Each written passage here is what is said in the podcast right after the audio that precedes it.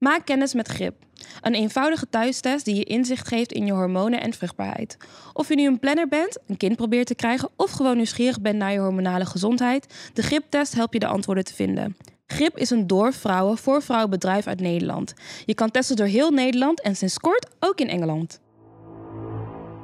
En dan gaan ze naar school en dan krijgen ze te horen, vaak ook van zwarte jongens of zwarte meisjes, dat uh, hun, hun, haar uh, niet mooi is of dat ze te donker zijn of wat dan ook. Welkom op Vrouwentoilet.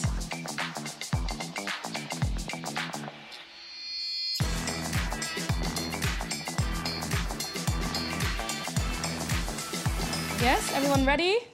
Stilte. Soraya, welkom op het Vrouwentoilet. Ik heb jou uitgenodigd hier eigenlijk om te praten over jouw superleuke content rondom black hair. Dankjewel. Kan je me daar wat meer over vertellen? Uh, nou, ik sta bekend als uh, Shanilia26 mm. uh, op Instagram en YouTube, eigenlijk social media. En daar hou ik me bezig met black hair, de haarverzorging van Kroeshaar. Ja. Samen met mijn twee dochters, ja. Shanilia en Janelle. Oh ja, dus daar komt ook de Instagram-naam vandaan. Ja, dat is eigenlijk wel grappig, want ik was helemaal niet nooit bezig om influencer te worden of wat mm -hmm. dan ook. maar op en ik heette Soor nog wat, Soor 2621. Mm. En uh, ik kreeg steeds op mijn Facebook berichtjes van jongens die die uh, link maakten tussen Sora en Soraya. En dan vonden ze me zo. Dus ik dacht, oh, daar heb ik geen zin in. Ah. Dus toen heb ik er Chanilia 26 van gemaakt. Niet bedenkende dat ik twee jaar later een influencer zou zijn. en dat ik dus met de naam van mijn dochter uh, ja. zat. Maar wel maar één van de twee dochters. Dus ja, geen maar ik dacht... Onderlinge jaloezie? Nee, nou, daar hadden ze wel moeite mee.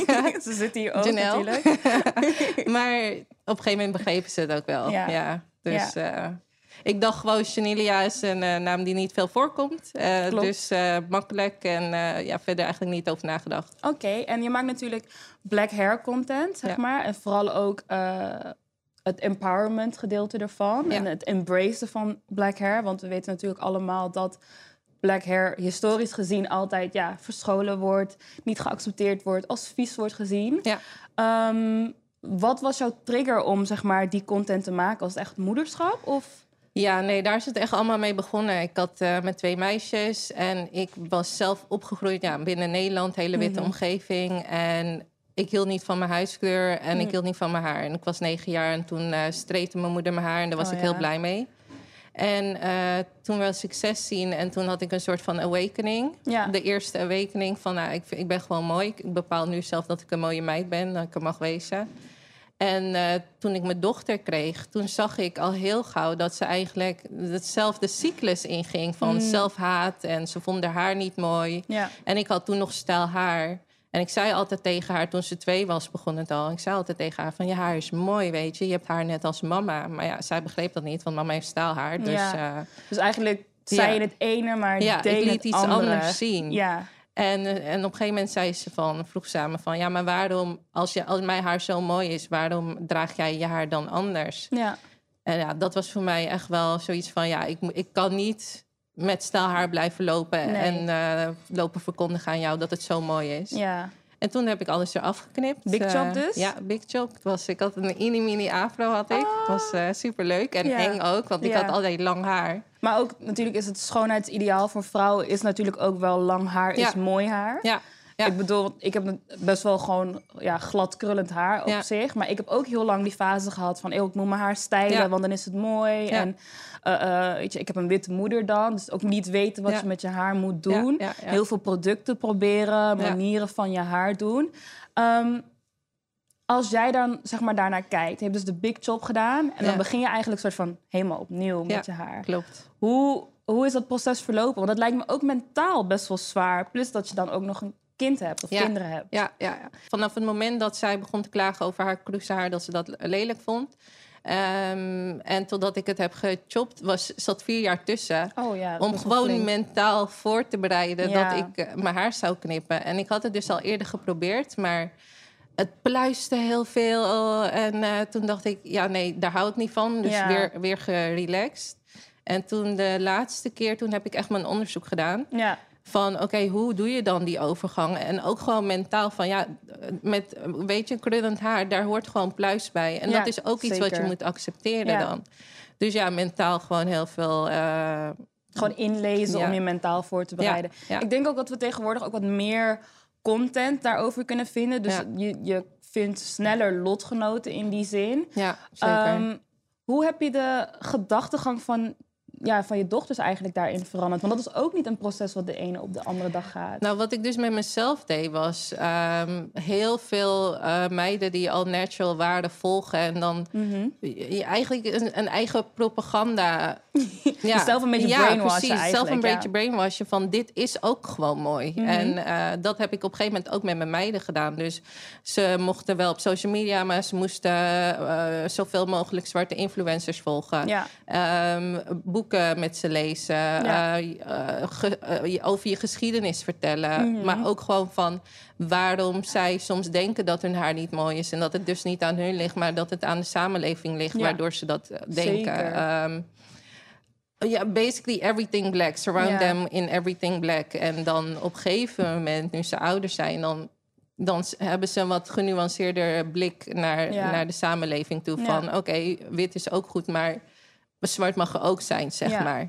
Dus eh, zo eigenlijk. ja, want wat ik zelf altijd merk is dat zwart mag er alleen zijn als het consumeerbaar is voor Ja. de witte mensen eigenlijk. Ja.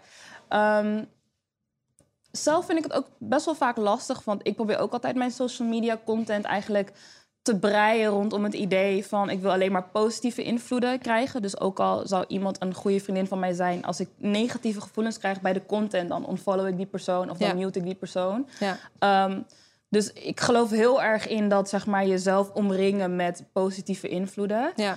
Ehm, toch vind ik het vaak wel lastig met black content. Vooral als het gaat om eh, schoonheidsidealen of haar. Omdat ik toch vaak merk dat er toch een stukje... dat racially ambiguous er toch nog heel vaak naar voren komt. Dat Ja. we toch nog steeds een geïnternaliseerde anti-blackness hebben... ehm, in veel van die empowering content Ja. eigenlijk. Want dan mis ik bijvoorbeeld andere dingen die bijvoorbeeld heel typisch zijn. Zoals een brede neus Ja. of wat rondere ogen juist weer, weet je. Dikkere lippen. Er zit soms toch nog wel dat stukje, ja, Ja. dat diep gewortelde eigenlijk, het Europese ja, schoonheidsbeeld zit er toch nog heel vaak in. En ik vind het daardoor soms ook heel lastig om echte black content te vinden die echt ook zeg maar gaat over zwarte vrouwen en zwart haar. Want Ja. ik merk gewoon dat het soms net niet, ja, dat stukje mis ik gewoon heel vaak, vooral Ja. qua uiterlijk. Nee, herkenbaar. Ja. Nou, volg ik ook echt wel bewust pagina's die, eh, wat jij benoemt, eh, eh, posten. En daar heb ik er best wel veel van gevonden. Maar je ziet gewoon ook dat qua verhouding haar eh, curly hair pagina's... Mhm. die inderdaad eh, wat eh, lossere krultype promoten... dat die veel sneller groeien. Ja. Veel meer likes en veel Ja. meer comments krijgen Ook dan... vooral als veel wat meer lichtgetinte meiden of meiden met mijn huidskleur gaat het ook veel sneller heel vaak. En ik zie het ook bij, mij, bij mijzelf. Ik heb twee meisjes. De een is, is donker en dan is wat lichter. Ja, En dan zie je ook gewoon dat mijn donkere dochter... die krijgt comments meer in de zin van... wauw, hoe is ze zo mooi en hoe kan de haar zo lang zijn? Dus een soort Ja. van verbazing. ja, En van mijn lichtere meid is het... wauw, zij is zo mooi omdat ze zo licht is... en om- omdat de haartype zo is. Ja. Dus dat is weer een soort van idealisering. Dus het zijn beide ja, positieve opmerkingen... maar Ja. vanuit een andere insteek. ja, andere insteek. Dus, dus ja, dat, dat, dat ik geïnternaliseerde is er gewoon Ja. nog steeds. Ja. Ja. De laatste tijd hou ik me daar ook steeds meer mee bezig. Het is eigenlijk colorism. Weet je, het is natuurlijk een heel ander hoofdstuk om open te staan. Ehm, terug naar moederschap. Natuurlijk heb je twee superprachtige do dochters. Dankjewel. in een witte maatschappij. En Ja. daar hou je best wel mee bezig om daar dus omheen eh, te werken. Ja. Wat is een andere uitdaging waar je tegenaan loopt? Dus behalve dus haar en, en huidskleur... zijn er ook andere dingen waarvan je denkt van... bijvoorbeeld op school of in, in andere factoren... waarvan je toch merkt van... oh ja, we zitten nog steeds in een witte samenleving... en ik heb twee dochters. Nou ja, dan heb je het toch wel over colorism ook Ja. Ik heb mijn dochters natuurlijk een soort van propaganda van black is beautiful en dat Mhm. soort dingen allemaal. En dan gaan ze naar school en dan krijgen ze eh, te, te horen, vaak ook van zwarte jongens of zwarte meisjes, dat eh, hun, hun haar eh, niet mooi is of dat ze Mhm. te donker zijn of wat dan ook. Dus dat is dan wel heel apart en pijnlijk. Dat Ja. de meeste negatieve opmerkingen toch van, eh, van onze eigen gemeenschap komen. Ja, ja. Dat is ook heel moeilijk. Eh, maar het begint thuis. Ja. Die, die krijgen van huis al bepaalde beelden mee. En Ja. dat nemen ze mee naar school en dat, eh, ja, dat zetten ze voort. En helaas is dat ook heel vaak de meerderheid, Ja. to be honest. Ja. En het is ook heel erg niet zichtbaar. Ja. Ik denk dat vooral in Nederland dat de colorism-discussie nog niet echt leeft. Nee. En kijk, persoonlijk, ik, kwam, ik ging van een eigenlijk een gemengde, maar laten we zeggen witte school Ja. naar een zwarte school. Ehm, en toen werd ik eigenlijk, de witte school was er niks aan de hand. Ik was gewoon een van de rest en dat was Ja. helemaal prima. En toen ging ik naar een zwarte school en toen werd ik enorm veel gepest. Ja, Ik was dan, zeg maar, dat noemden ze dan dogla. Ja. Weet je wel? Ik had dan dogla haar en, en ik was het lichtere meisje en dat soort dingen. Dus ik viel juist toen heel erg buiten de boot. ja, Terwijl met colorism spreken we sneller over beter behandeld worden dan Ja. mensen met een donkere huidskleur. ja. Ehm, maar er zit een bepaalde wisselwerking in, Ja. afhankelijk van de omgeving. ja. En ik denk dat je dat dus heel dat snel herken mee- ik ook weer met mijn twee meisjes. Ja, dus, dat, eh, daar kom je heel snel tegenaan eigenlijk. En vooral denk ik als vrouw zijnde. Ja, dat is ook echt wel iets wat ik heb moeten leren. Want ehm, ik weet niet, ik had, ik had zelf ook mijn vooroordelen daarin. Mhm. Ik had bijvoorbeeld het idee dat als je wat eh lossere keultype had, dat het makkelijker te verzorgen was. Ja, Is niet is zo. echt niet zo. Is niet zo. Ik had het idee dat als je licht, eh, lichtere huidskleur had, dat je dan eh, minder zelfhaat had. Ja. Dus dat je dan niet per se wit wilde zijn of zo. Is niet zo. Dus je groeit eigenlijk met dezelfde dingen op. Maar ik weet niet, je wordt een soort van tegen elkaar aange... ja, of tegenover elkaar gezet. Ja, En eh, ja. ik heb eh, daar zelf ook heel veel eh, van geleerd. Ja. Ja. het is heel lastig ook hoor. Want als ik kijk naar eh, op die zwarte school ook. Ik was natuurlijk, laten we zeggen, tussen 7 en 11 jaar was dat toen er tijd. Toen dacht ik ook altijd van ja, maar ik ben niet anders. Ik, ik, want voor ja, hoe ik ben opgevoed door mijn moeder, mijn moeder is natuurlijk wit, was ik zeg maar ook een zwart meisje. Zeg Ja. maar wel lichter, maar ik was ook gewoon een zwart meisje. Ja. Want zo werkt dat in principe ook. Ja. Maar zo werkt het dan niet in een zwarte gemeenschap of in een zwarte omgeving. Want dan ben je eigenlijk een wit meisje. Want dan heb je privilege, want je bent mooier en je, bent, je hebt dit en je haar, et cetera. Ja. Dat is altijd zo gek. En ik heb ook heel lang dat stukje ehm, anti-blackness geïnternaliseerd eigenlijk. Want ik heb volgens mij, op het moment dat ik zelf mijn haar kon doen... dan denk ik, was ik een jaar of tien... heb ik daarna nooit meer vlechtjes gehad, bijvoorbeeld. Ja. Nooit meer braids, geen boxbraid, helemaal gewoon nooit meer vlechtjes. En wat was de reden daarvoor? dan? Omdat ik altijd dacht dat dat zeg maar niet mooi was. Of dat dat ja. ordinair was. Of, ja, ja. En dat is iets wat ik vanuit omgeving meekreeg. Weet je, door hoe mensen reageerden op mensen met gevlochten haar of iets dergelijks. Dus eigenlijk tot nu toe nog steeds heb ik nooit meer vlechtjes gehad of iets dergelijks. En dat is eigenlijk best wel gek, want die haarstijlen zijn voor ons. Ja. En Ze zijn voor mensen, weet je, we noemen het ook protective hairstyles, Ja, weet je. Ze zijn ook voor ons. En ze zijn om ons haar juist goede kwaliteit te houden. Maar toch loop ik er zelf nu nog steeds, 28 jaar ondertussen, loop ik er nog steeds tegenaan dat ik toch denk van, oh nee, doe maar niet. Ja. Weet je, dat ik op een shoot was en dat iemand begon, oh we kunnen twee van die mooie vlechten doen. Dat ik echt dacht van, nee, nee, gewoon los. En wat doe je dan... eh, wat doe je daar dan aan? Want je bent nu bewust ervan. Ja, ik denk dat het, dat het een beetje allebei is. Ik denk dat het een stukje gewenning moet zijn. Ik moet het gewoon doen om het te doen. Ook Mm. Ja. al heb ik zoiets van dat ik het niet mooi vind. Ja. En het feit dat ik het niet mooi vind... heeft niet veel met mijzelf te maken... Ja. maar met de omgeving waar wij in leven eigenlijk. Ehm, maar om daarvan af te stappen moet je het gewoon doen. Net als dat van in plaats van je haar stijlen... moet je het gewoon laten Ja. krullen. Want dan wen je daaraan. En dan kan je Ja. ook weer internaliseren dat dat eigenlijk heel mooi, mooi is. Ja. Maar het is lastig. En ik ben me er wel bewust van natuurlijk. Maar ik vind mijn losse haar ook gewoon super mooi. Het is Ja. enorm veel werk. Enorm veel werk. maar het is wel super mooi uiteindelijk. En ehm, ik kan er ook best wel veel mee doen. Dus dat, ik ben daar in die zin wel mee geblest. Maar ik kan me best wel voorstellen dat er nog steeds veel mensen zijn met krullend haar. En als we dan over types hebben, weet je, drie en type vier, Ja. die echt nog steeds niet weten Ja. eh, wat ze met hun haar moeten doen. Hoe ze het gezond houden. En ook, weet je, denk aan geadopteerde kinderen. Of kinderen die bijvoorbeeld niet in de Randstad wonen. Dus die ook minder snel toegang hebben tot die producten. Tot een afro-shop of whatever.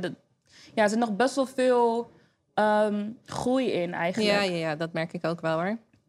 Dat, ehm, ik, ik zit natuurlijk nu in mijn eigen bubbel met Mhm. heel veel natural hair en iedereen die ermee bezig is. Dus dan lijkt het al gauw alsof, alsof het heel erg trending is. En dan stap je eruit en dan zie je gewoon nog heel veel vrouwen die dan pruiken dragen omdat ze gewoon niet durven, zeg maar. Omdat ze hun kroesenhaar nog niet mooi vinden of Mhm. hun, hun krultype niet mooi vinden. Ja. Ehm, dus, eh, en dan denk ik van wauw, we hebben echt nog wel wat eh, werk aan de winkel, zeg ja, maar. vind je niet? Want ik bijvoorbeeld, ik zou niet zo snel een pruik of iets dergelijks dragen, meer omdat de investment en de tijd die erin moet, dan kan ik net zo goed mijn haar normaal doen. Ja.